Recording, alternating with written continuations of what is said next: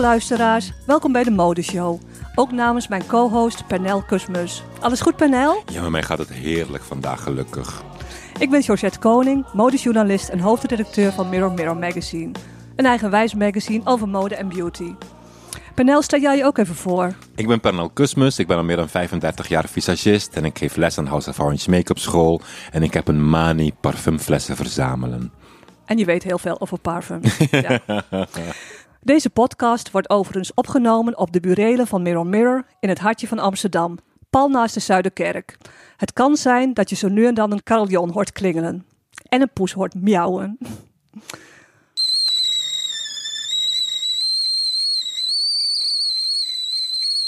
Panel, wil je een eh, heerlijk kopje blackcurrant beauty tea van Pukka? Lijkt me heerlijk zo'n kopje pukka thee. Kom op.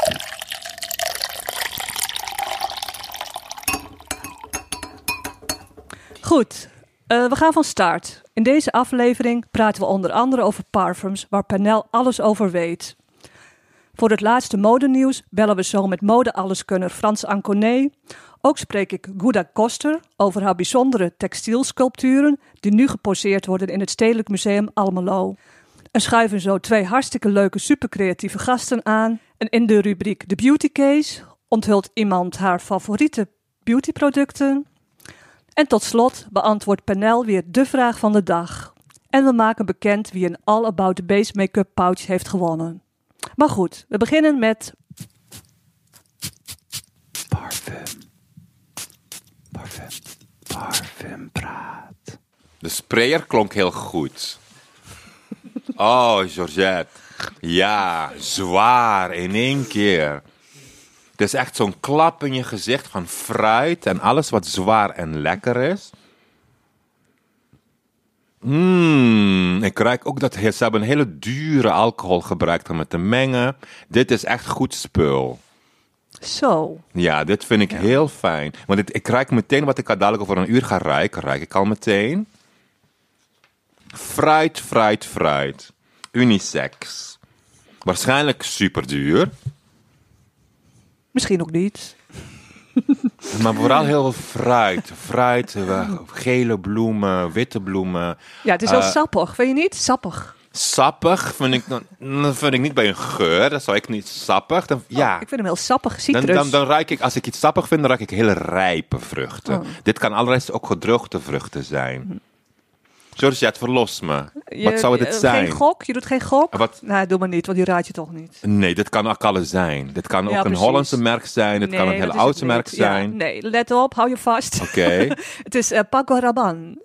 Paco Rabanne. En dan is het Phantom, de Phantom geur. Dat ro robotflesje. Dat hele mooie robotflesje Nou, precies. is. Maar het is eigenlijk voor mannen bedoeld, Ja, het is deze. een hè? Ja, jij bedenkt dat het een vrouwengeur is. Het Dat haal ik er niet aan uit, mannelijkheid. Maar weet je wat ik me ook dan bedenk? Ik zie een leerling bij mij in de klas, die een jongen die zeg maar als zich meisje voelt. Dat zie ik ineens in deze geur. Ik zie een jongen die voorbij komt lopen op hoge hakken, een tasje en een liquid lipstick. En dan ruik ik. En dan vind ik dit er wel heel, heel bij, bij, bij, bij een eh, non-binary persoon passen. Maar echt een vent met, met, eh, met borsthaar en een beetje ordinair en stoer, vind ik dit niet bij passen. En een hele vrouwelijke vrouw op hakken met een mooie chignon en een rode lippenstift, vind ik dit ook niet bij passen, eerlijk gezegd. Maar het is wel verrassend, want ik kon hem niet plaatsen. Ja. Maar de, de meeste Paco Rabanne geuren, dat zijn wel kaskrakers, Maar de hè? fles, De- vraag, maar dat zijn dus altijd kaskrakers. Maar de, vraag is wel Ja. van... eh, komt dat eh, door die idiote verpakkingen, zoals eh, die One Million in een goudstaaf of Invictus in de vorm van een wedstrijdcup? Want het, het is ook wel een beetje een cliché-geur, toch? Het is niet verkeerd.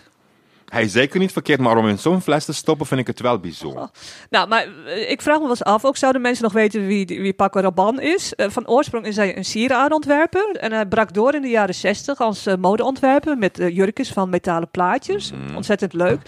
Hij leeft nog, hij wordt dit jaar 88 en hij claimt dus ook al heel lang dat hij paranormaal is. Oké. Dus jaren geleden schreef hij een heel spraakmakend boek. Het staat hier ergens in deze boekenberg. en, eh, waar hij, en hij beweert daarin dat hij eh, Jezus heeft gekend.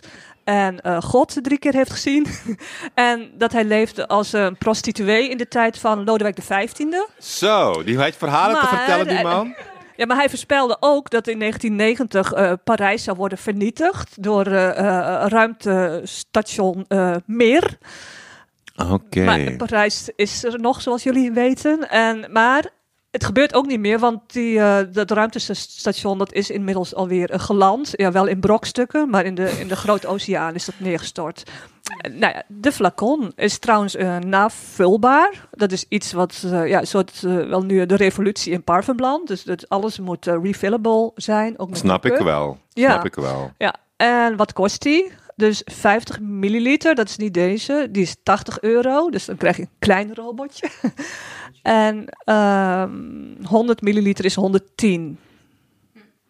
Te koop? Ja, Valt mee. Maar dit- als ik het zie, het meeste geld is uitgegaan aan het flesje. Maar Ja, waanzinnig goed Ja. gedaan. Ja. Dus we weten allemaal dat parfum eigenlijk helemaal niet zo duur is om te maken. Maar deze fles is wel die bijzonder. fles is al, ja. Maar is ja, die collectors oplage, item. die Dit is oplage is collectors ook item. enorm natuurlijk, hè. Dit is echt een gigantisch groot merk. Maar de meeste mensen gooien dat flesje toch gewoon weg. Jammer Ja, genoeg. maar dit Over tien jaar is het collectors item. Dus ik ga hem goed bewaren. Ja, bewaar hem goed. En dan hoor ik wel over tien jaar graag eh, wat de waarde is. Het is alweer tijd voor ons modebelletje met onze vaste gast, stylist en modeconsulent Frans Anconé.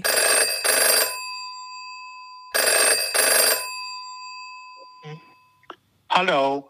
Hallo Frans, Hey, Georgette, hallo. hoe gaat het? Goed en met jou? Ja, prima. Ja, het is droog. Ja, is mooi weer, zonnetje schijnt. Ja. Eh, waarover ga je, eh, ga je vertellen? Nou, we hebben, we hebben, er zijn twee verschillende dingen. Er is een, ehm, voor het eerst dat dat eigenlijk gebeurt, er is een tentoonstelling van Yves Saint Laurent in Parijs. En dat is in zes verschillende museums tegelijkertijd. Niet dat ze het hele museum over hebben genomen, maar in ieder museum zie je iets typisch Yves Saint Laurent dat ook past bij het museum. Dus Ja. dat is super interessant. Eh, wat is de aanleiding dan? Nou, de aanleiding is dat, die, dat het nu 60 jaar geleden is dat zijn eerste défilé werd, zijn eerste show werd gegeven. Oh, Oké. Toen hij 26 was. Hmm. En dus ze hebben al die, het is natuurlijk bijzonder dat ze al die musea eh, akkoord hebben gevonden om dit te doen tegelijkertijd. Ja. Ja, want ik heb begrepen dat, dat zijn ontwerpen dus naast de kunstwerken hangen. Dus Klopt. kunstwerken waardoor hij ooit zelf beïnvloed was. Ja, en hij is natuurlijk heel erg, zijn hele leven heel erg beïnvloed geweest door eh, heel veel verschillende kunstenaars. Van Picasso tot eh, onze Nederlandse Van Gogh, maar ook ehm, de Mondriaan. Mondriaan was voor hem een, een- echt een, een ontdekking. En hij heeft ook echt van jurken gemaakt in, eh, die volkomen eruit zien als schilderijen van Mondriaan. Ja, dat die, was ook. die eh, zijn bijvoorbeeld te zien in het Centre Pompidou. ja. Ja, naast de compositie rood, blauw en wit, volgens mij, van de. Mondriaan. Ja, klopt. Ja, maar dat was Precies, ook zijn dat, doorbraak, Dat, dat schilderij wat bijna iedereen wel kent. Ja, dat was een doorbraak ook, hè? Ja, absoluut. Ja. En het met geestig is dat in dat Centre Pompidou hangt ook iets uit. Hij heeft ooit een collectie gedaan in de jaren 40 die een beetje gebaseerd was op Paloma Picasso.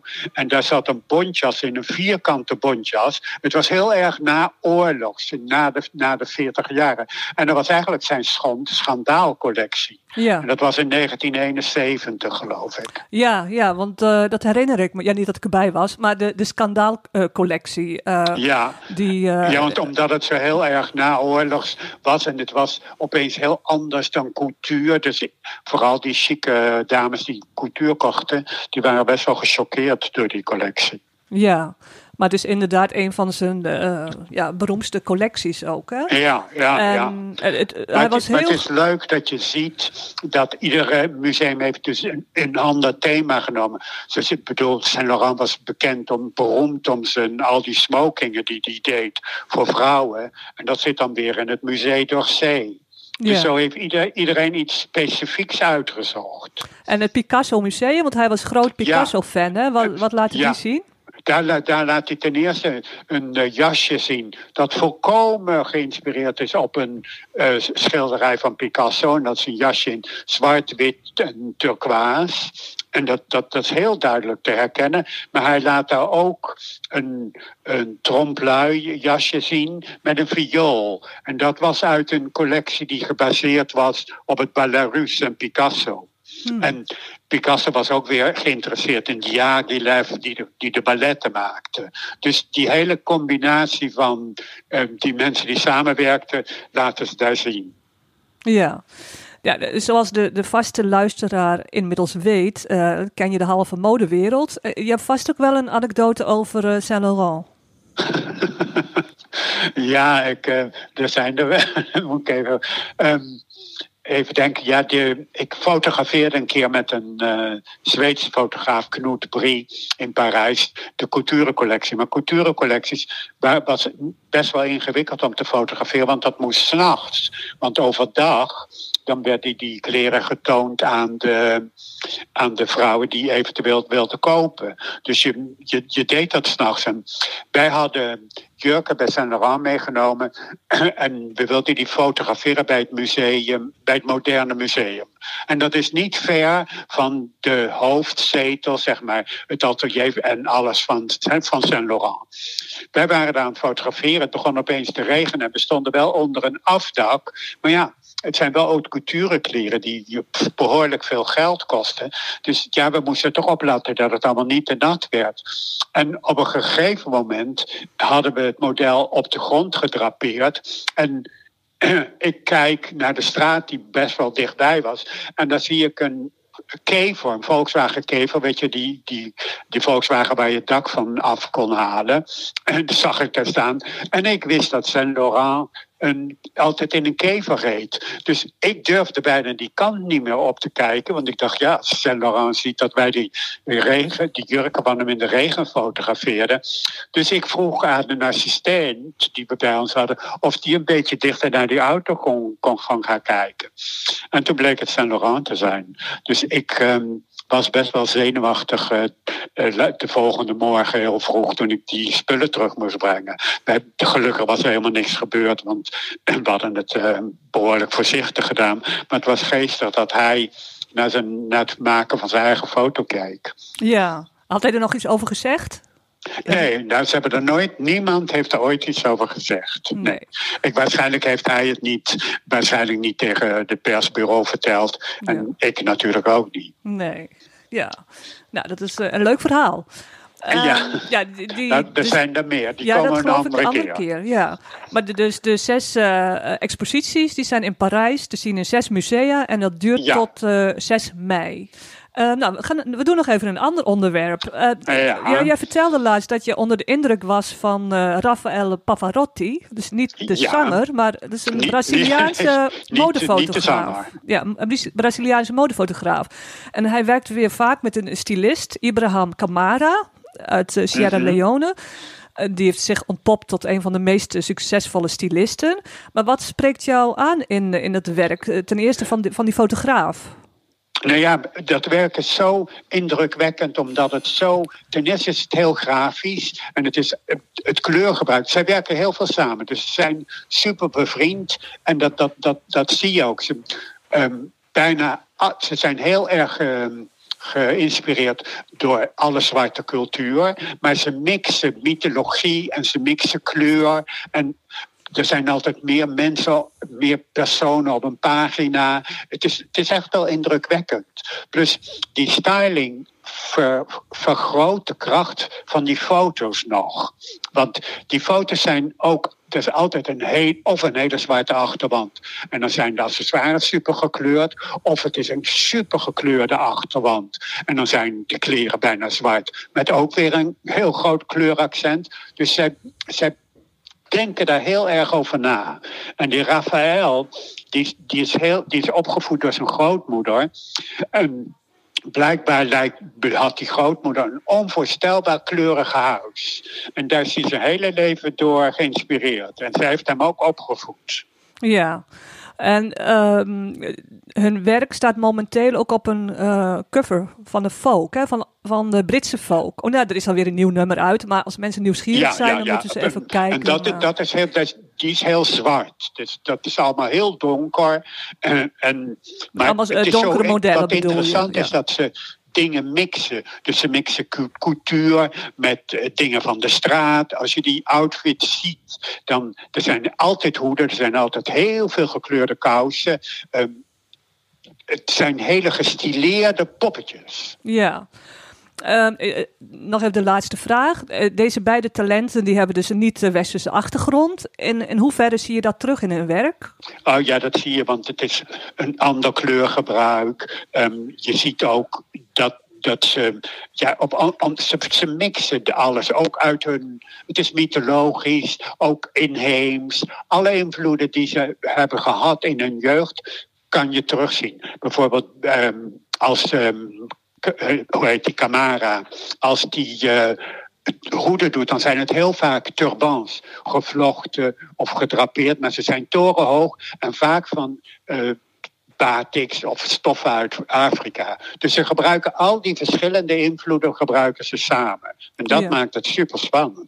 Denk je dat ze deel uitmaken van een nieuwe generatie uh, fotografen en stylisten? Absoluut, ja. ja. Want ja. bedoel, ze, die, um, Ibrahim, die is nu hoofd van Dazed and Confused. Dat is een Engels tijdschrift wat best wel toonaangevend is. En Raphaël, die, uh, die werkt al voor heel veel verschillende bladen. Ik bedoel, ze doen samen Louis Vuitton. Ze, zijn bevriend met Riccardo Tisci. Ik bedoel, ze zitten wel overal. Onlangs zag ik dat ze ook uh, foto's voor Versace hadden gedaan.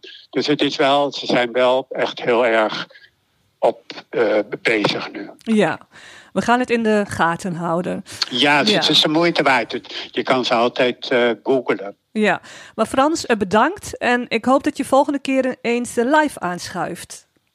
Nou, gezellig. Ja. Nou, Gaan tot ziens. Ja, bedankt. Dag. Oké, okay, prettige dag. Inmiddels zijn er twee gasten aangeschoven. Annemarie Jong en Diederik Verbakel. Wat fijn dat jullie hier zijn.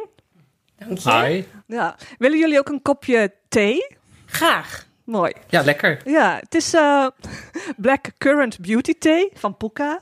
Oh, oh heerlijk, ja. ja. Nou, ik hou ervan van Puka. Ja. ja je hebt een hele assortiment hier liggen. Ja. Als je, als je het goed doet, dan krijg je een doos. Yes! Ja. Eindelijk. Ja. Diederik ook hoor. Ja. Uh, ik zal jullie even in het kort uh, introduceren. Nou, Diederik uh, Verbaker is modeontwerper. En ik zag ook ergens dat je consultant bent en fashion artist. Uh, hij, hij studeerde zo'n twintig jaar geleden af aan de academie in Arnhem. En werkte vervolgens jarenlang voor het Diesel, voor het modemerk. En toen heeft hij daarna met zijn compagnon Marike Holthuis een merk opgericht. En dat heet Diet. Dat is de afkorting van Diederik. En, maar Diederik, hoe zou je je ontwerpen omschrijven? Jullie ontwerpen? Vrolijk, zelfgemaakt, handge handgedrukt. Het zijn allemaal unieke producten eigenlijk, stuk voor stuk. Ja, sweaters. Sweaters, veel al casual producten. We zijn begonnen met een heel luxueus product. En langzaamaan zijn we, stapje voor stapje, zijn we eigenlijk weer teruggegaan naar de wat gemakkelijkere items omdat die lekker zaten tijdens de corona op de bank. Ja, dus, uh, ja, ja, Zo is dat eigenlijk gekomen. Ja, met allemaal geweldige prints. Echt uh, allemaal... Print all over. Ja, geweldig. Ja. En het klopte dat ik dat zag dat Rob Verheijen, de presentator van Moltalk, jullie ontwerpen droeg? Ja, die draagt ze zeker. Nou, heb ik dat niet goed gezien. Hij koopt ze. Hij koopt ze zelf. Zo, ja, dat is leuk. Nou ja, als ik praat over de mol. denk jo, mooi bruggetje. ja, een bruggetje. Ja, dan kom je bij de veelzijdige Annemarie Jong. Jij was tien jaar geleden uh, de mol. Um, maar Annemarie die is natuurlijk uh, heel veelzijdig en uh, bekend als actrice. Ze speelde in talloze televi televisierollen. Ze is zangeres, stond in musicals, maar ook op toneel met solovoorstellingen. En ze schuift hier net aan en ze komt van andere op podcastopnames. Deel 2 van de Vagina-dialogen voor de libellen. Klopt, ja. ja. dat is ontstaan in de, ja, in de coronatijd. Ja, zoals alles, alles wat leuk is, is Heel veel dingen, ja, ja. en dat begon eigenlijk met het boekje wat ik met vriendin en textielontwerpster Marieke Voorsluis maakte. En zij zocht eigenlijk nog iemand om haar boekje Creatief met Kuts af te maken. Nou, en ik liep er meteen warm voor. 101 do-it-yourself kutten. Ja. En bij het uh, lanceren daarvan en het praten over dat boekje... Uh, kwamen we erachter dat er nog heel veel schaamte heerst... Uh, bij de vrouw voornamelijk natuurlijk... over hun eigen geslachtsdeel. En, en bij de man? En bij de man ook. Ja. We hebben toevallig net een aflevering opgenomen eh, vanuit de male gaze. Dus hoe kijkt de man eigenlijk naar ons? Hè? Ja. Naar ons, eh, ons broekje en wat eronder zit vooral. En eh, toen kwamen we erachter dat er ook bij mannen eigenlijk wel heel veel schaamte heerst. Dat het echt niet zo is dat die te pas en te onpas die piemel op tafel leggen. En van, nou, kijk er maar eens naar. Maar goed, hij hangt er wel uit. Dus de, de, de, de, de aanvang, zeg maar, om kennis te maken met je geslachtsdeel... is bij mannen gewoon al veel meer aanwezig. Hè? Ja. Dus nou, vanuit daar zijn wij eh, gaan denken... omdat bij de lancering uh, maakte gebruik van de café van Ellen Roggeveen. Zij komt ook uit eh, nou, de journalistiek en uit de mode toevallig. En zij zei van, joh, hier moeten we een podcast over maken. Alleen al wat jullie voor verhalen brengen, dit moeten wij eh, op deze manier gaan vormgeven. Toen zeiden we, ja, gaan we doen. We zoeken een partner. Zijn we eerst sponsors gaan zoeken. Nou, Ja. niemand wilde zijn naam verbinden aan ons merk. En toen hebben we Libelle gevonden. Die vond het de moeite waard. Perfect. Ja, goed. Ja. Maar goed, verder ben ik ook geïnteresseerd in mode, hoor. Ja, ja, ja, komt zo op. Ja. Ja, maar ik dacht sowieso dat ik in mijn leven al heel veel gedaan had. Maar vergeleken bij jou verbleek mijn cv. Maar ik las wel dat, dat het spelen van de mol eh, dat, dat de spannendste rol eh, Ja. eh, uit je leven Ja, was. cliché ook. Ja, Ja, dat zijn ik- vooral de mensen die de blaadjes moesten vullen met, met quotes van henzelf die ze dan op mij plakten. Ik heb het volgens mij nooit zo verwoord. Ik Hmm. vond het zo spannend. Ik moet je eerlijk zeggen, ik, ik, ja, ik dacht er veel te licht over eigenlijk toen ik het ging doen. Ik was toevallig in New York toen ik hoorde dat ik, dat ik de mol werd. Ja. En toen vroeg ik waar? In IJsland. Nou, toen Oh. dacht ik echt, ga dood. Waarom? Ik wil naar Zuid-Afrika, ik wil naar een Zuid-Amerikaans land. Lekker met een cocktail in mijn hand eh, doen alsof ik een kandidaat ben. Maar IJsland bleek uiteindelijk wel een heel mooi land. Ja. Maar de rol van Mol ja, ging ook door als de camera's eh, Ja. niet draaiden. En Ja. dat vond ik wel best wel zwaar, drie weken Ja, lang. dat is, dat is heel erg lang.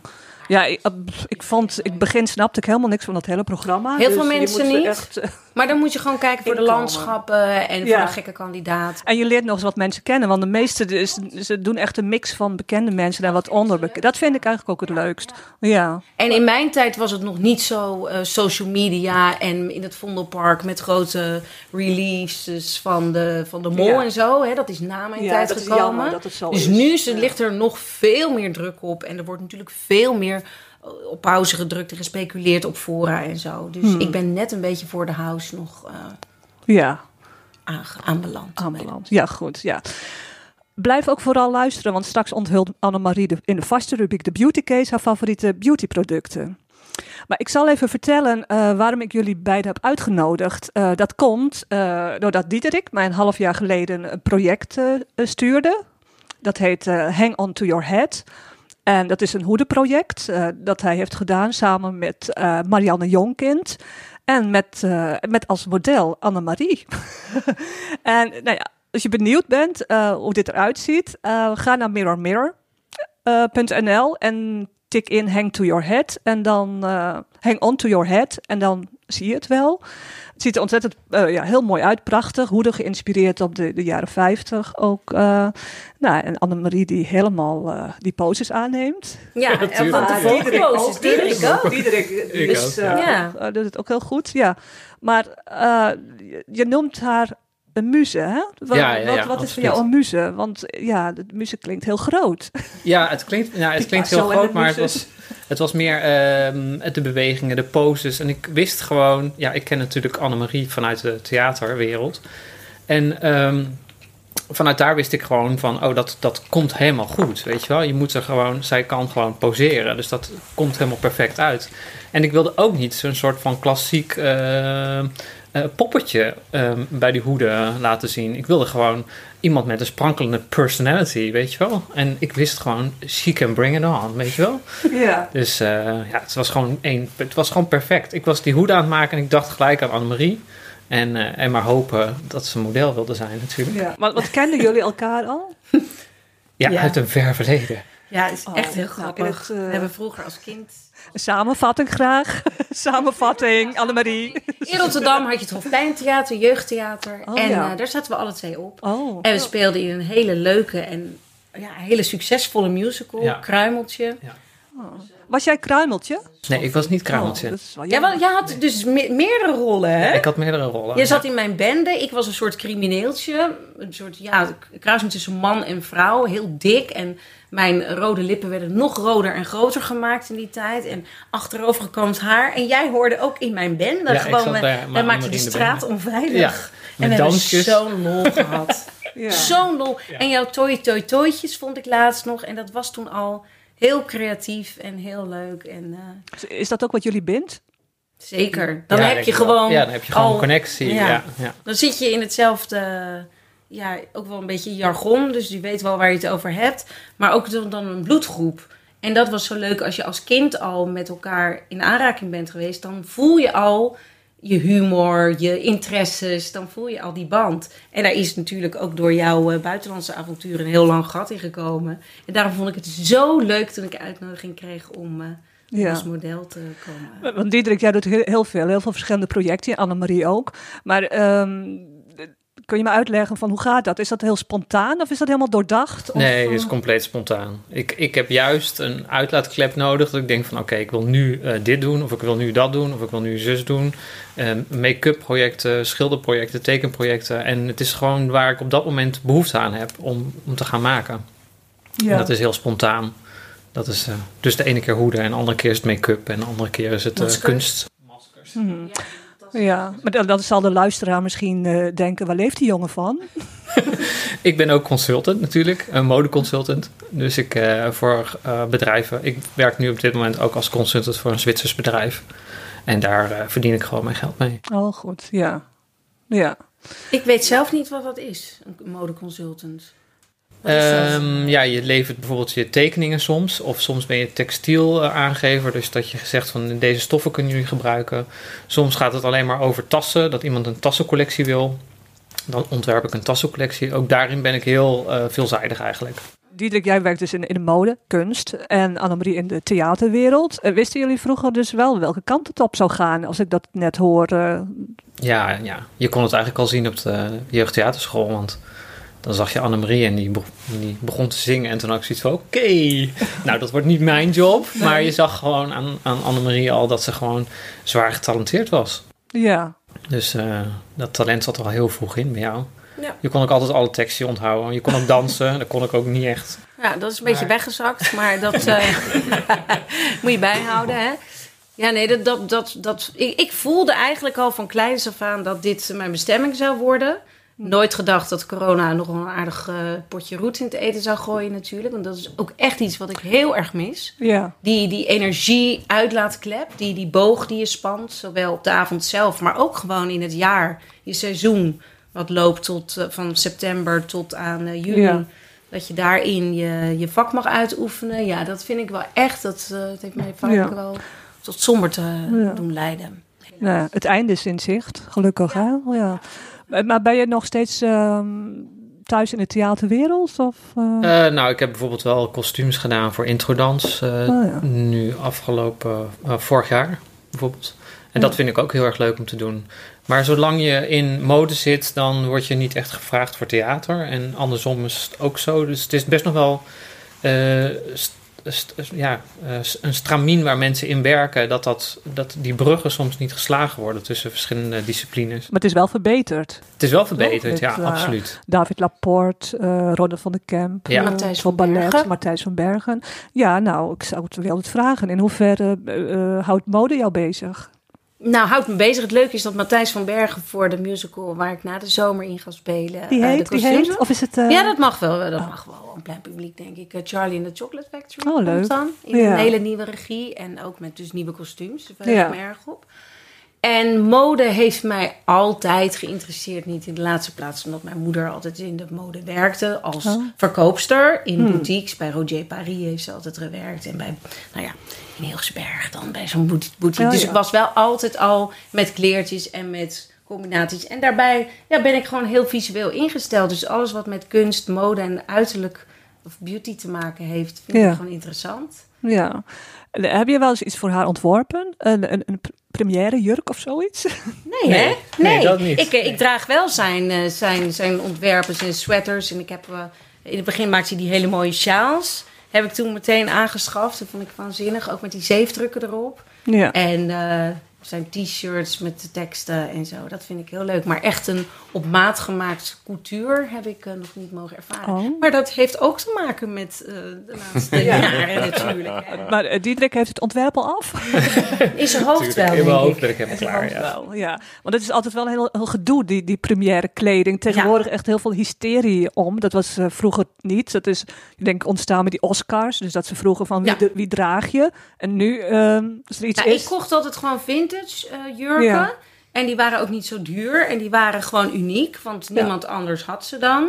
Hmm. En ik heb ook wel eens wat laten maken. En ik had een keer een première rokjesdag. En toen dacht ik, oh, ik wil wat met Flisco. Ik vind Flisco een hele leuke, ja, leuke fabriek. Ja, dat is een Nederlands bedrijf die wat heel groot is in Afrika en etnische, met etnische prints. Ja. Ja. En zij verkopen niet ready to wear of couture, maar puur stoffen op rol. Dus toen heb ik een, eh, ze hebben mij eh, in contact gebracht met de ontwerpster. En het leuke is, die ontwerpster heeft uiteindelijk ook mijn theatervoorstelling eh, aangekleed. Dus die heeft ontwerpen gemaakt met Flisco stof.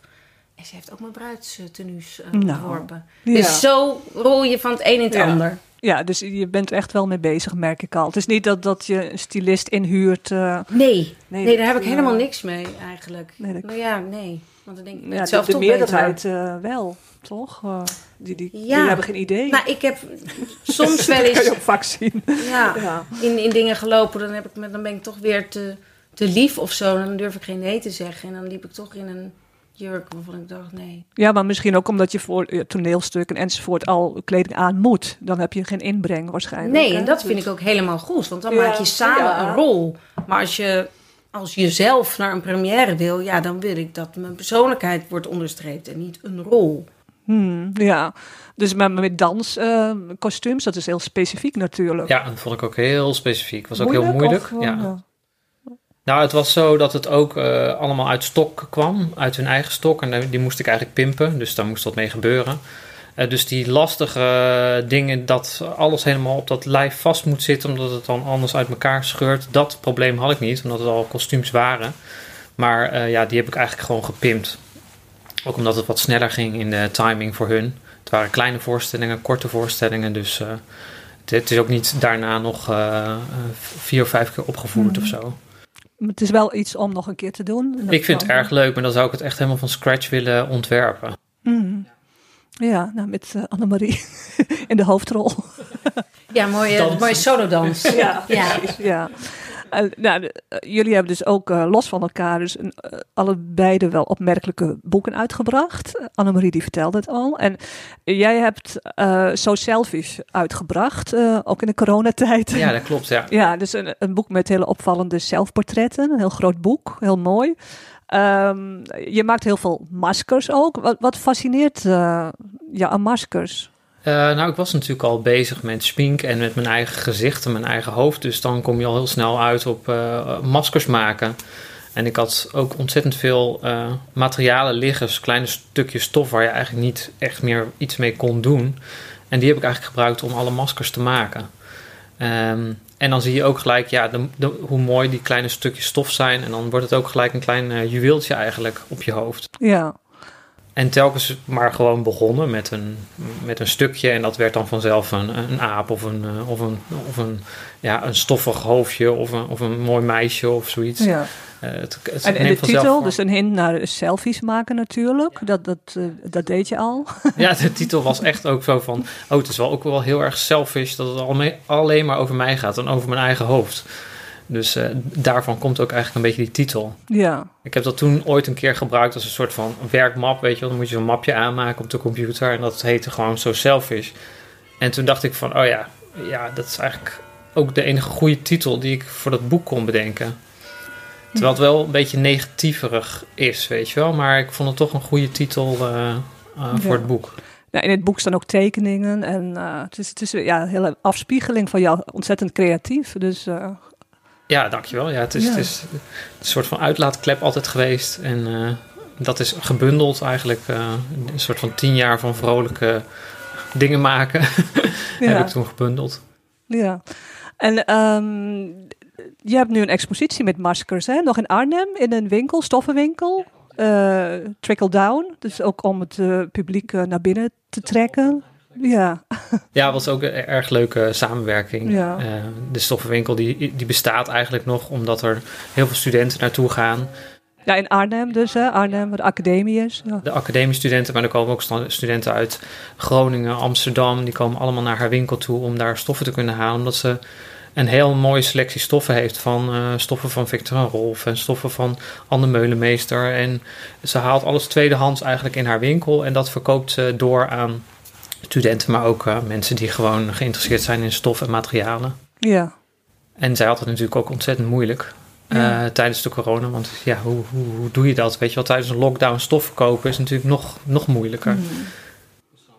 Maak je wel eens dingen, Annemarie?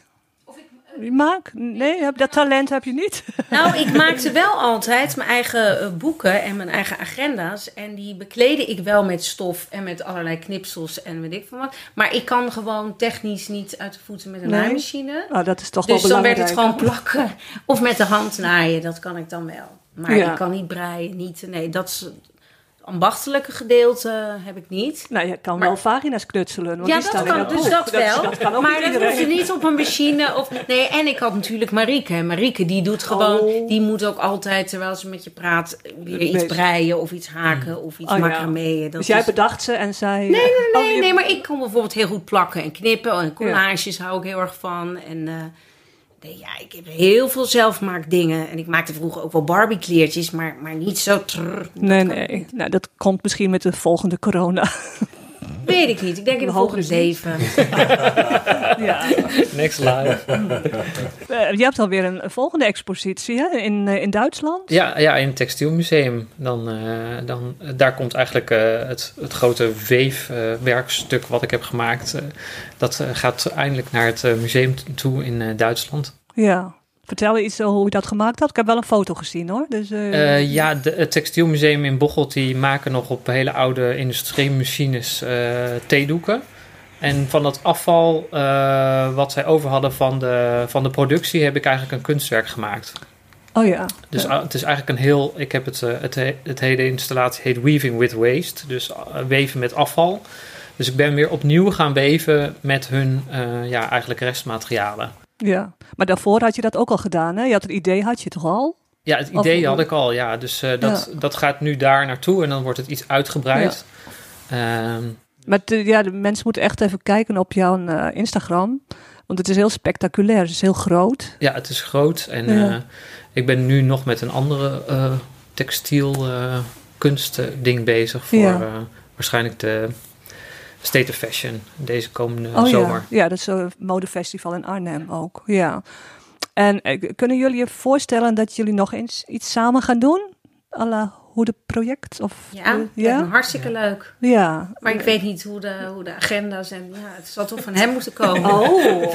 Nou ja, misschien moet het ook wel van mij komen. Maar ik bedoel, hij is wel echt een, ja, gewoon high level ver- vergeleken met mij met, met creativiteit. Of met, met nou ja, het omzetten van zijn ideeën. Hij heeft zo'n mooie studio en een waanzinnige partner. Hij heeft een eigen zeefdrukinstallatie. eh ja, de ruimte. Hij gaat gewoon letterlijk elke dag naar die studio en dan kan hij alles doen. Daar ben ik wel eens jaloers op. Ja, ik zou ook wel een plek willen hebben. Ben ik ook jaloers op. Ja. Nou ja, ik zit altijd maar tussendoor te vreubelen en zo met het gezin en met iedereen Ja, op mijn nek. En eh, dan weer dat, dan weer dit, eh, en zus en zo. Ja. Ik bedoel, ja. Dan Maar goed, dat is je, je leven wijden aan, aan de kunst. Dat vind ik heel mooi. Maar ik heb dat heel lang met theater gehad. Dan stap je op de fiets of in de auto of in de trein en je gaat naar een repetitielokaal.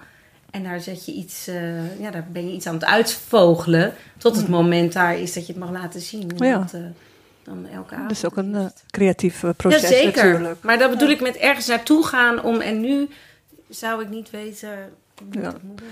Ja, Diederik kan alleen dingen doen, maar je bent altijd afhankelijk bijna vrijwel wel Nou ja, de, met die solo's heb ik natuurlijk wel heel veel zelf gedaan. Maar uiteindelijk moet er ook iemand voor zitten. Natuurlijk moet ik ook een, een, een technicus hebben voor de, voor de uitvoering. Ja. En voor het, eh, voor het boeken. En dus er kwam ook wel heel veel bij kijken. En dan moet je nog tweede. reis. Ja, de tweede heb ik Ja. zelf geproduceerd. En toen kwam ik erachter dat het, eh, nou ja, dat het heel arbeidsintensief Ja. Ook dat gedeelte is buiten het optreden. Dan. Ja, precies. Ja, het, het is niet makkelijk. Nee, maar wel hartstikke leuk. ja. ja. Annemarie is ook een hele goede visagiste. Vertel. Nou, Nou ja, ik wist Nou dat ja. al wel. Ja, nou ja, vooral maar- op mijn eigen hoofd. Ja, hè. ja, ik heb ja. één keer, weet je wie ik wel een keer heb opgemaakt? Lisbeth List. Oh. Ja, en dat heb je dus niet door dat dat Lisbeth List is in aanvang. Ze was, ze was eh, gewoon plain naar de uitmarkt was dat. Was Ja. gewoon opgeroepen, iemand die niet kon. Wil je dat doen? Ik zei, ja hoor, kan ik wel. Dus ik daar naartoe. Ik weet niet eens meer of ik nou eigen spullen mee had of dat daar een soort basisset stond. En toen kwam er een heel lief klein vrouwtje in de stoel zitten met een hele sproetige huid. En die moest ik transformeren. Een beetje op haar aanwijzingen naar haarzelf. De, Ja. En ze was zo lief en Maar toevallig dat je haar noemt, want ik heb haar ook wel eens opgemaakt. Ja. Lisbeth List. Ontzettend leuke vrouw. Maar inderdaad, je herkent haar niet als ze binnenkomt. Nee, zij heeft zo'n signature look Ja. dat zonder die signature look. eh, Ze En zeggen wel eens van mij van, haar oh je hebt geen rode. ze helemaal. Ja, ja. En toen werd ze Lisbeth. List. Klopt, ja, klopt. Ja. Volgens mij heette ze ook in het echt anders. Ja, het ze is een andere naam. naam, ja. Dus nou, ja. ze werd Lisbeth. Ja. Vond ik een hele leuke Maar eh, ervaring. van waar die interesse dan? Heb je ook een opleiding stiekem gehad? Visagie? Nee, mijn of, zus eh, wel. Mijn zus ja, is eh, geen... ja. Nou, nee, mijn zus is uh, grimeuze. Ja, oh, dat is tot voor vak, kort hoor. Die heeft heel lang bij theater gewerkt. Ja. Ze was kapster. Toen dacht ze, ik wil wat met make-up. Eh, toen heeft Studio Bestels gedaan. Nou, dat is meer de griemkant op.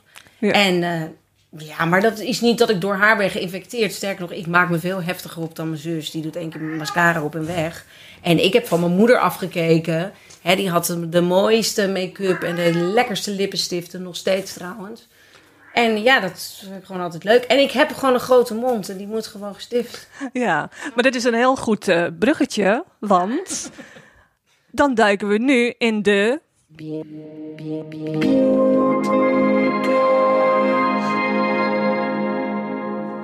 dit keer onthult Annemarie Jong wat ze allemaal zo al gebruikt. Want zij kwam binnengelopen en ik zag haar oranje lipstick. En ik dacht van, hoe perfect zit dat op? Een matte lippenstift en ze begon te praten. En van alle hoeken bekeek ik haar lippen. Van alle hoeken klopt die. Dat is echt best wel lastig als je een grote mond hebt. Het is een obsessie natuurlijk ook. Nu is En het het net is of, mat, of maar je het is mond niet een meter droog. breed is. Maar die lipstick is ook heel mooi mat, maar het is niet droog. Dus ik ben benieuwd wat je hebt gebruikt. Nou, ik, vra- ik vroeg neem vijf dingen mee, maar uh, Oh, luisteraars, veel hier ligt eh, een kilo make-up.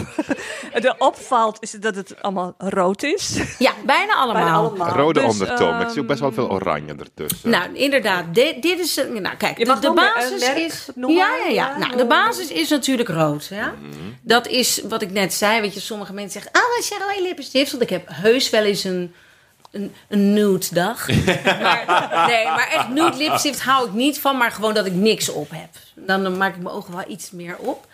Ehm, dus rood. Dat begon vroeger met de echte vette lipsticks. En kun je nog herinneren welke je eerste lippenstiften was die je kocht? Een rood, het merk of de kleurnaam? Want meestal blijft dat hangen. Ja, dat zal een Hema zijn geweest. Toch wel, ja, Miss Ja, Helen. Hema. En Ja, in, Miss in, in Helen, die rode ja. verpakking. Nou, wat goed. Ja, Ja, dat, dat weet ken je ik nog wel. Net als Ja. mijn eerste BH was dat ook mijn eerste lipstick van had ook een hele speciale geur, de lipstick van Miss Helen. Weet je nog, die geur? Nou, over geur gesproken, die geur kan ik me niet zozeer herinneren. Maar wel de geur van mijn oma's lipstift. Die trouwens altijd van onder de washand vandaan kwam. En gewoon eh, de leven leidde zonder verdere make-up. Maar ze had wel in een laadje wat oude lipstift.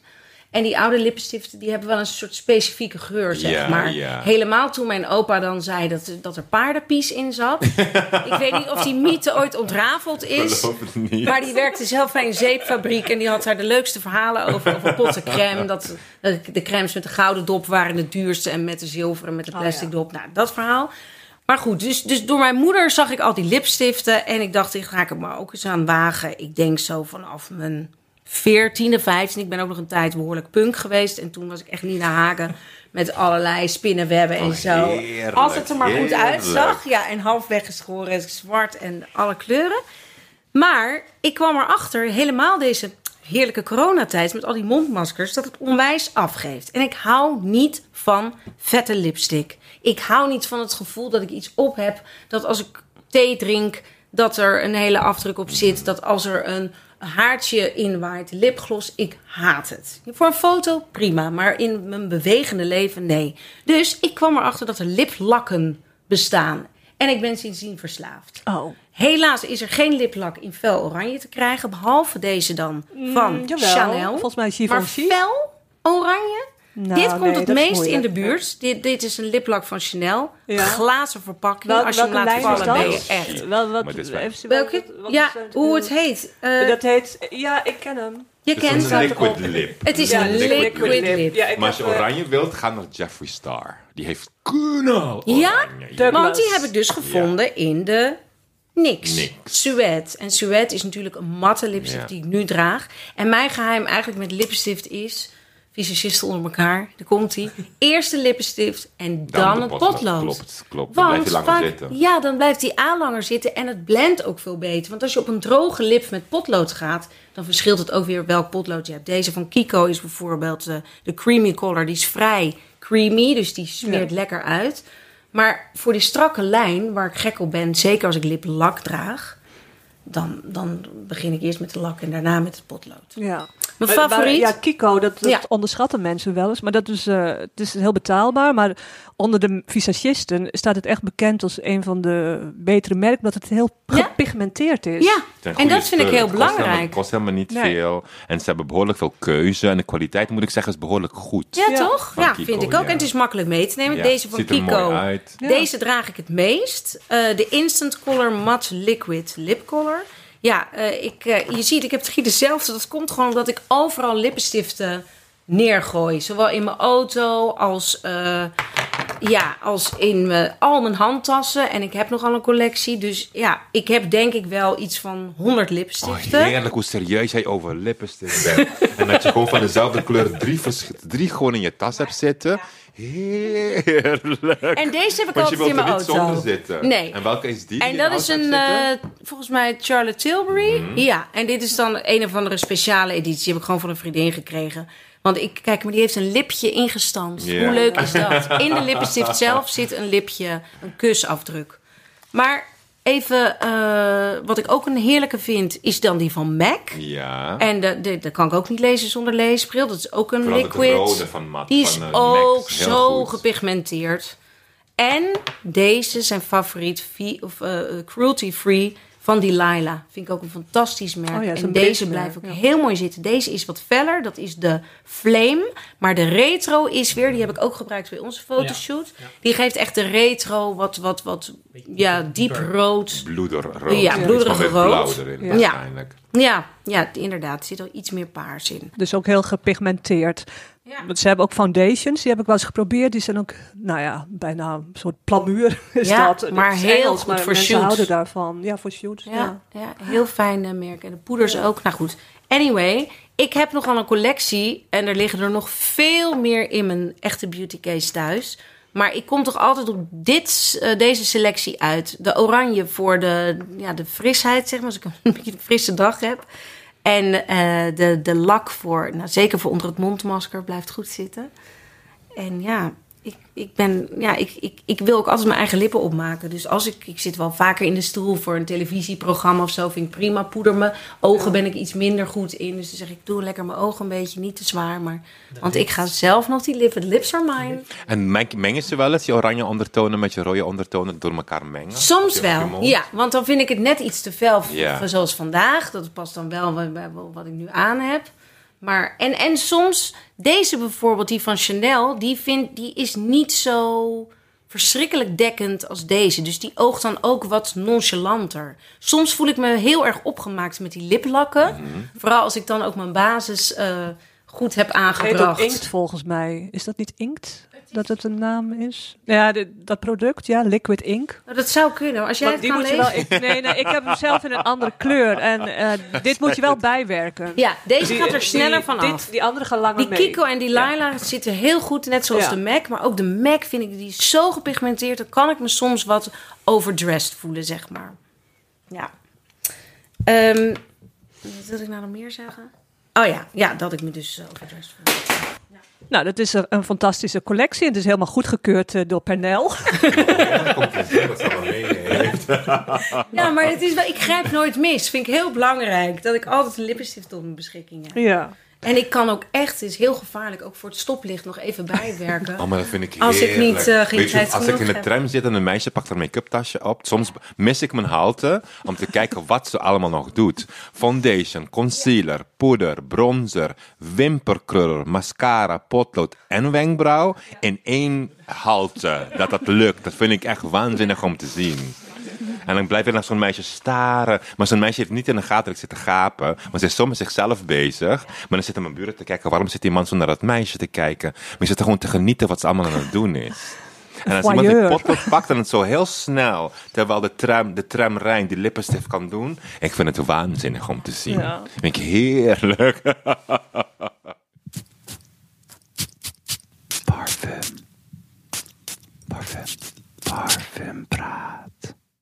Nou, eh panel, ehm, Nummer twee. andere pols.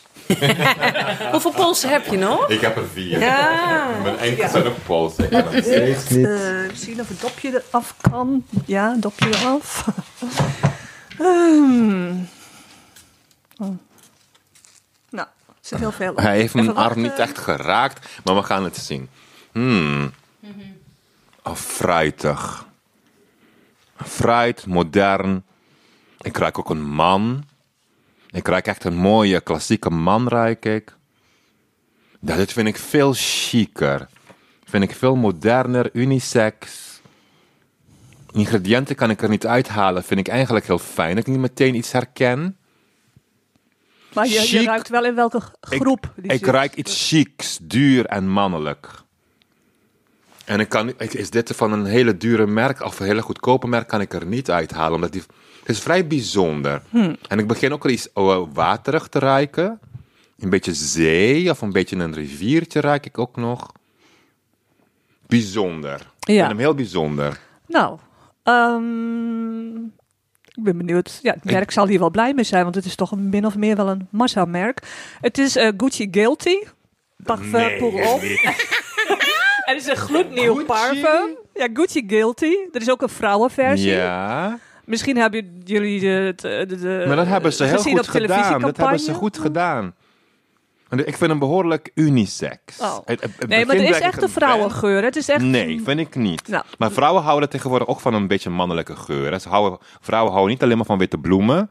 Ze houden ook van iets stoers. En dan haal ik er hier meteen wel aan uit. Oh, Maar ik schrik wel als je tegen mij zegt Gucci. Want Gucci is best wel een massamerk. Ja, ja. Maar ze zijn nu, doordat die, de nieuwe mensen die dat gekocht hebben, het wordt wat duurder. Je hebt ook van die hele dure Gucci-merken. ja, die zijn er ook. Ja. Maar dit, dit, is niet, dit hoort niet bij die hele Nee, dure dit- dit merken. is, eh, deze lijn, de Gucci Guilty lijn, die bestaat al sinds 1974. Dit is ongeveer nummer eh, Gucci Guilty 27. Dus dat is, Lekker. altijd is er dan ook een vrouwenversie. Hè? Dus op de televisie is een campagne eh, gezien deze geweest. geur? Ja, Ja. volgens mij wel.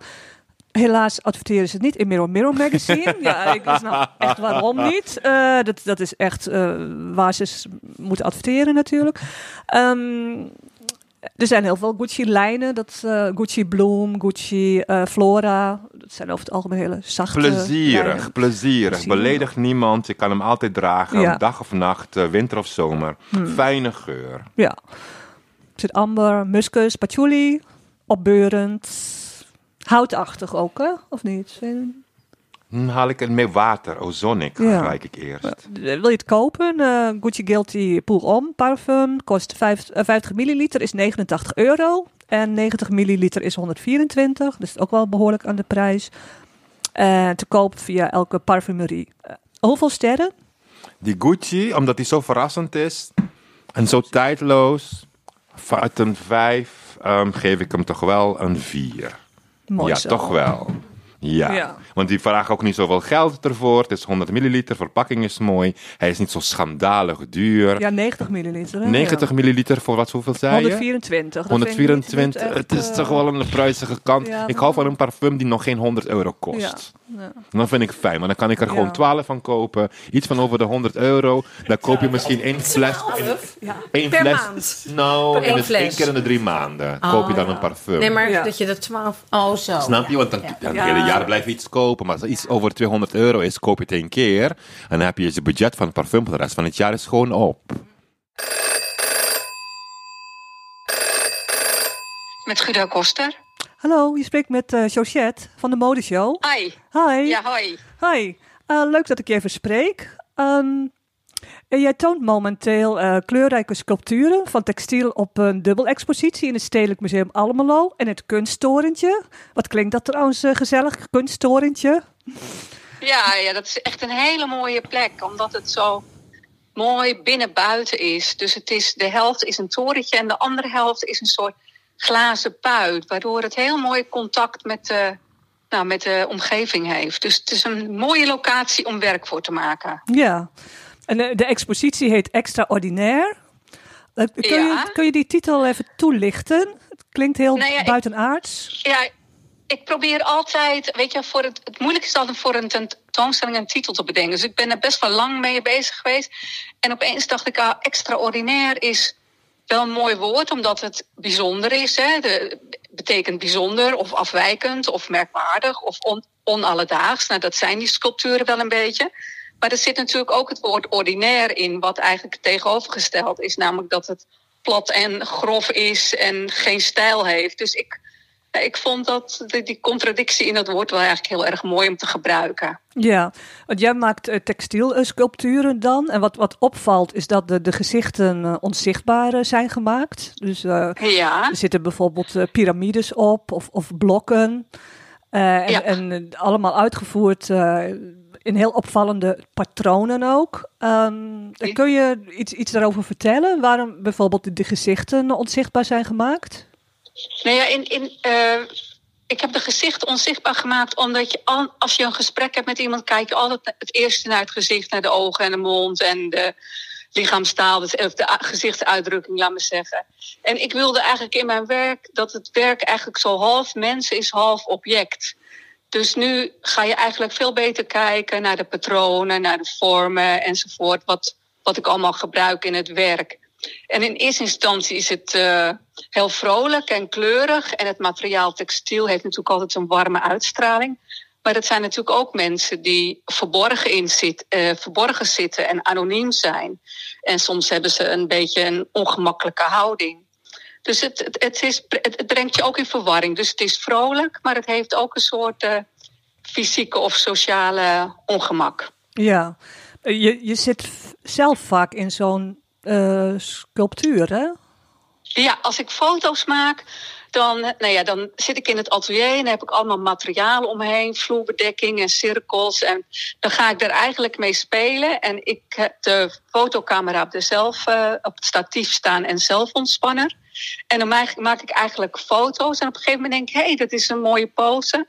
En dan probeer ik die pose te perfectioneren. En dat is eigenlijk best lastig, want ik zie natuurlijk niks omdat mijn hoofd vaak verborgen is. Dus ik moet altijd maar op de gok doen van, oh ja, volgens mij is dit goed.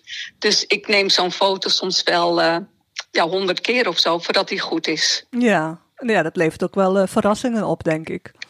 Ja, het is ook heel speels, weet je wel. Dat ik, dus ik voel me eigenlijk ook bijna een soort uh, kind wat een soort verkleed kist heeft waar hij van alles uit mag halen. Ja, dat is altijd en steeds goed. een nieuwe identiteit aan kan nemen. Ja. De patronen die je gebruikt, die zijn vaak heel abstract. Hè? Polka dots, strepen en, en blokken. En waarom die keus? Nou ja, ik, ik heb in mijn eerdere werk ook wel zo'n romantisch Engels landschapmotief gehad. En ook wel met bloemen. Maar in het nieuwe werk past eigenlijk de, de, de abstracte patronen erbij. Omdat het werk ook eigenlijk veel abstracter is geworden. En ik denk dat het ook wel te maken heeft met mijn liefde voor uh, abstracte kunst. Ik ben als 18-jarige ooit in het Stedelijk Museum geweest en daar zag ik de colorfield paintings van Barnett Newman en Rothko. En ik had nog nooit eerder zoiets gezien en dat heeft me zo, zo'n indruk op me gemaakt, omdat ik het nooit eerder had gezien. En het, ja, het was echt indrukwekkend. Dus dat, daarom heb ik altijd nog een soort voorliefde, denk ik, voor abstracte kunst. Ja, en uh, heeft mode ook invloed op je werk? Uh, ik kijk wel heel veel uh, modeplaatjes. Maar ja, het, het, maar het verschil met mode vind ik altijd dat het uh, een soort glamour om zich heen heeft. Terwijl mijn werk eigenlijk helemaal niet glamourachtig is. Het is gewoon eh, wat het is, laat maar zeggen. Maar ik kijk, soms kijk ik wel naar materialen of vormen. En soms zie ik ook wel eens dingen terug die ik in mijn werk doe. Dat modeontwerp, denk ik, oh ja, het is iets wat in de lucht hangt of zo. Ja. En, en heb je ook voorbeelden van modeontwerpers of, of gaat het niet zo ver? Nou, Victor en Rolf vind ik echt prachtig. Ja, dus ook een Ja, beetje... die vind ik, ja. ja. ook omdat ze een soort heel conceptueel zijn. En soms, soms zijn het gewoon een beeldhouwwerken. Ja, Ja. ik vind hun echt geweldig. Hmm. Nou, misschien zit eh, een samenwerking er wel een keer in. Wie weet, ja. ja. Ja, en, eh, Nee, dus, dus, ja? ja, eh, er zijn twee exposities, hè? dus een dubbel expositie, zo heet het. Dus in dat torentje en in het museum. Ja, in het Ehm. torentje is dus een, een figuur die ligt op een soort sokkel. Die heet In de armen van Morpheus. Dat is eigenlijk een vrouw die in een soort klassieke pose ligt uit te rusten of ligt te dromen. En wat heel mooi is in de hectiek van de voorbijgangers die van en naar de stad of het station gaan. En in het eh, Stedelijk Museum is dan de tentoonstelling met sculpturen en, en foto's en mini-sculptuurtjes. En dan zijn er nog op weg van eh, het torentje naar het museum... heb je langs de kade soort mini-torentjes... waar dan ook nog weer foto's van mij te zien zijn. En kleine sculptuurtjes. Ja, dus in, in eh, Almelo kan niemand eh, om je heen.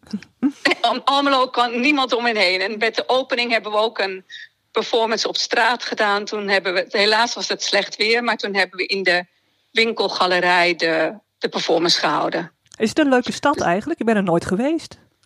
Nou, ik was er ook nog nooit geweest. ja, het is, ja, het is niet, ik vond het niet echt een gezellige stad. Maar ik was er ook steeds dat het slecht weer was en regende. En dan zijn er eigenlijk weinig mensen op straat. En het was natuurlijk ook nog corona, dus alle terrassen waren dicht en zo. Dus dat maakte niet echt eh, een gezellige indruk, laat me zeggen. Maar ik, ik ken het daar eigenlijk niet te goed voor om daar een, nu een oordeel over te geven. Oké, da- dus mensen moeten gewoon, nou ja, sowieso naar de expositie. Moeten en gewoon dan- naar El- Almelo gaan. Dan Ja. kunnen ze zelf ontdekken. En natuurlijk mijn eh, tentoonstelling bezoeken. Ja, en op een Want die duurt eh, tot en met eh 24, april. Ja, dus op een dag gaan eh, dat de zon schijnt, want dan is alles mooi. Ja.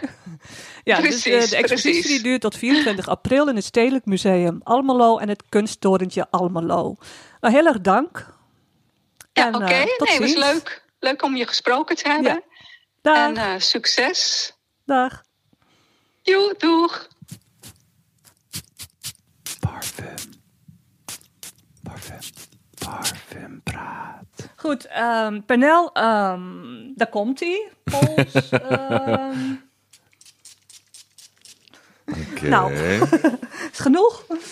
Mm. Lekker veel. Het eerste wat bij me opkomt, snoepjes, suikerspin, vrouwelijkheid, nieuw. Oh, het ontwikkelt zich naar iets dieper en zwaarder. Georgette, ik kan niet raden wat dit is. Dit kan iets heel duur zijn of iets heel goedkoops, kan het ook zijn. Oh. Verlos me, verlos me. Nou ja, maar goedkoop kan het ook zijn. Je, Ja, je- het kan ook je iets- geen eh, kwaliteit? Ik ruik iets heerlijks en ik ruik iets heel vrouwelijks. Dit kun je overdag dragen, de avond, naar je kantoor. Het is vooral, vooral eh, multi-inzetbaar, denk Ja. ik. Nou, dit is een geur van amouage. Oh mijn hemel, dat is een van de duurste merken wat je kan kopen. Maar dan moet ik eerlijk zeggen, daar ruik ik er niet aan af. Ik ruik niet hele dure ingrediënten. Ik ruik een heel fijn, plezierig, vooral heel vrouwelijke geur. En hij ontwikkelt zich steeds meer. Maar ik weet dat amouage meestal gewoon echt een gat in je zak kost. En Ja. daar ruik ik er niet Ja. aan af, moet ik Ja, eerlijk zeggen. Eh, Deze geur die heet Portrayal Woman. En eh, inderdaad een damesgeur. eh, Bloemig, oriëntaals, een eau de parfum. En het opent ja, lekker fris. En dan wordt het toch een, wel een intense geur met jasmijn, tuberoos in combinatie met honing. Maar ze zijn En, heel zuinig eh, geweest met de dure ingrediënten, moet Oh. ik zeggen. Want tuberose valt altijd heel erg op. Tuberose vind ik, ben ik dol op. Als ik tuberose ruik, ren ik meteen naar de Hmm. winkel. En ik ruik een vaag, klein vleugje tuberose. Ja, ja maar dit, Een witte bloem, een hele zware Witte- witte bloem. Die is tuberose? Sorry Ja. Als je hem ruikt, het is wat, wat je beneden in de gang rookt, dat was tuberose. Ja. In de tropen? Wat je beneden in de gang rookt, dat was tuberose. Maar ja, amouage dat bestaat sinds de jaren tachtig. En dat is ooit eh, ja, bedacht door een sultan eh, uit Oman. Oké. En, en zijn doel was om de Oosterse parfumcultuur, eh, of de cultuur uit het Midden-Oosten, dus met hele specifieke kleuren, zo- of geuren, Maar zoals hij de heeft musk. aangepast naar het westen. Want als, ja, nou, als- als hij heeft het zelf niet gemaakt. Oman, Weet je wat opmerkelijk is? Dat hij destijds, daar hebben we het al over bijna 40 jaar terug, is hij gaan Mhm. werken met Guy Robert. En die ken je waarschijnlijk, Ja. want dat is de, een, een van de neuzen voor Dior en ook voor Hermès. Hij componeerde eh, de klassieker Calèche.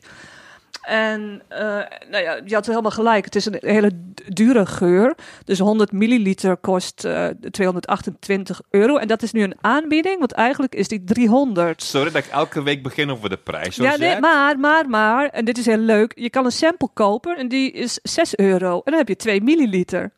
2 milliliter voor 6 euro. Ja. Doe maar. Nou ja, maar dan heb je toch de indruk. En als je hem wil, kun je bestellen via parfumerie.nl. En het merk Amou- Amouage, dus dat ligt niet overal. En dat wordt in Amsterdam bijvoorbeeld eh, verkocht bij Mario in de Damstraat. Uh, Pernel, hoeveel sterren geef je deze geur? Als ik weet van wat voor merk het is en wat erin moet, moet zitten en wat het kost, vind ik hem uit de 10 vind ik het een kleine 6. Wat vind jij als je dit ruikt? Ja, maar van 1 tot 5 is Van dat een tot- 3. Van 1 tot 5 geef ik hem een 3. Oh, goed. Want, Ja. ik heb, ik, want, dit, want dit ken ik wel. We kennen dit soort geuren wel. Het ruikt een beetje naar gebak, naar patisserie. Nou, zoet. Het Maar ruikt ik een beetje naar gebak, als je tegen mij zegt amouage. Want ik ken een paar geuren uit amouage. Die zijn super lekker, maar heel zwaar. Maar als de maker uit Oman komt. Ik ben in Oman geweest. En als je die olies ruikt in Oman. Ja, de oprichter, hè? Dus niet, niet de, de parfumeur niet. Nee, maar de Dus- oprichter komt ja. uit Oman. Dus hij is Ja. opgegroeid met al die olies uit Oman. Ja, ja, ja. En die zijn waanzinnig zwaar. Ja. En dat haal ik... Maar ik denk dat het verwesterd is. Het is voor het Ja. westerse publiek. Ja, ik denk dat het aanvankelijk gemaakt. wel voor het Midden-Oosten was en dat het toen eh, breder is ingezet. Ja, en dan hebben ze het wat toegankelijker gemaakt. Pracht, prachtige fles. Dat Goed. sowieso. Nou, eh, Pernel, nu je toch aan het woord bent. Eh, de- vraag van de dag.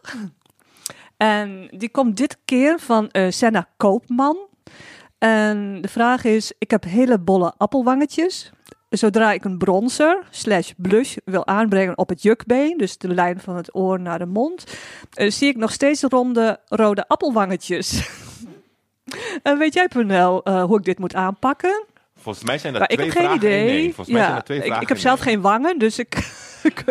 Want de rode appelwangen, ja. wat, wat vindt ze vervelend? Ik De kleur rood op de appelwangetjes? Of vindt ze vervelend die bolling op haar appelwangetjes? nou, want die beantwoord het beide. Oké, want voor de rode kleuren moet je iets, iets dekkendere foundation hebben. Ik zou het niet met een concealer doen, maar dat is te zwaar op je rode appelwangen. Dan ga je de textuur zien. Ik zou die kleur proberen minder rood te maken, maar niet helemaal. Dat je een beetje die blos er nog doorheen ziet. Roze? Mm, nee, geen blush. Als je rode appelwangen hebt, zou ik geen blush gebruiken, maar een concealer of een mooie foundation. Om het die rodigheid iets te, te, te temmen, dat het minder rood is. En als je de vorm van, als de vorm is wat haar zeg maar een beetje stoort, als je het een beetje een bolle wang hebt, ik zou ervan leren houden. Want zeg maar, als je te veel gaat shapen, je gaat het zien, het wordt onnatuurlijk. Je gaat zo'n bruine, rode, oranje streep op je wang zien. En dat vind je eigenlijk, denk ik, vervelender dan dat je er een beetje rood doorheen ziet gaan. En een beetje een bolle wang, waarschijnlijk past het ontzettend mooi bij je persoonlijkheid. Dus ik zal met die bolling niet zoveel gaan doen. Ik zal meer aan die kleur gaan doen. En wil je toch een, bruin, een, een blush of een bronzer gebruiken, zorg dat er geen rood of roze in zit. Ga naar de persde kleuren, naar de bronzen kleuren, dat het een contrast heeft met de rode kleur op je wang. En volgens mij ben je er dan al. Ja. Nou, eh Zenna, ik hoop dat je hier iets mee kan. nou, tot slot eh, gaan we bekendmaken wie de winnaar is van de handige All About the Base Pouch. Ter waarde van 89 euro met 7 vegan make-up producten. Met deze set heb je geen enkel ander product meer nodig. Als je hier meer over wil weten, luister dan even de vorige uitzending terug met een interview met Sandra en Lieke, de bedenkers van All About the Base. Pernel, je ziet de cocktail shaker. Eh, trek er maar een naam uit. Oké, ik ben zeer benieuwd. Oh, er zijn er veel Ja, reacties. veel. Ja, Heel veel. ja we zijn een succes. Ik heb er eentje. Elisabeth Heikoop. Nou, Spreek Elisabeth. ik het goed uit? Elisabeth Ja. Heikoop. Ja. Elisabeth, Zij is de ehm, winnaar van de pouch. Gefeliciteerd, jonge dame. We nemen contact met je op en de pouch komt dan naar je toe. Nou, Annemarie en Diederik en Pernel, als dank voor jullie komst krijgen jullie deze prachtige, goed gevulde Relax Pucca theedoos. En natuurlijk een, eh, een Mirror Mirror magazine. En we dronken vandaag heerlijke Pukka Black Currant Beauty thee.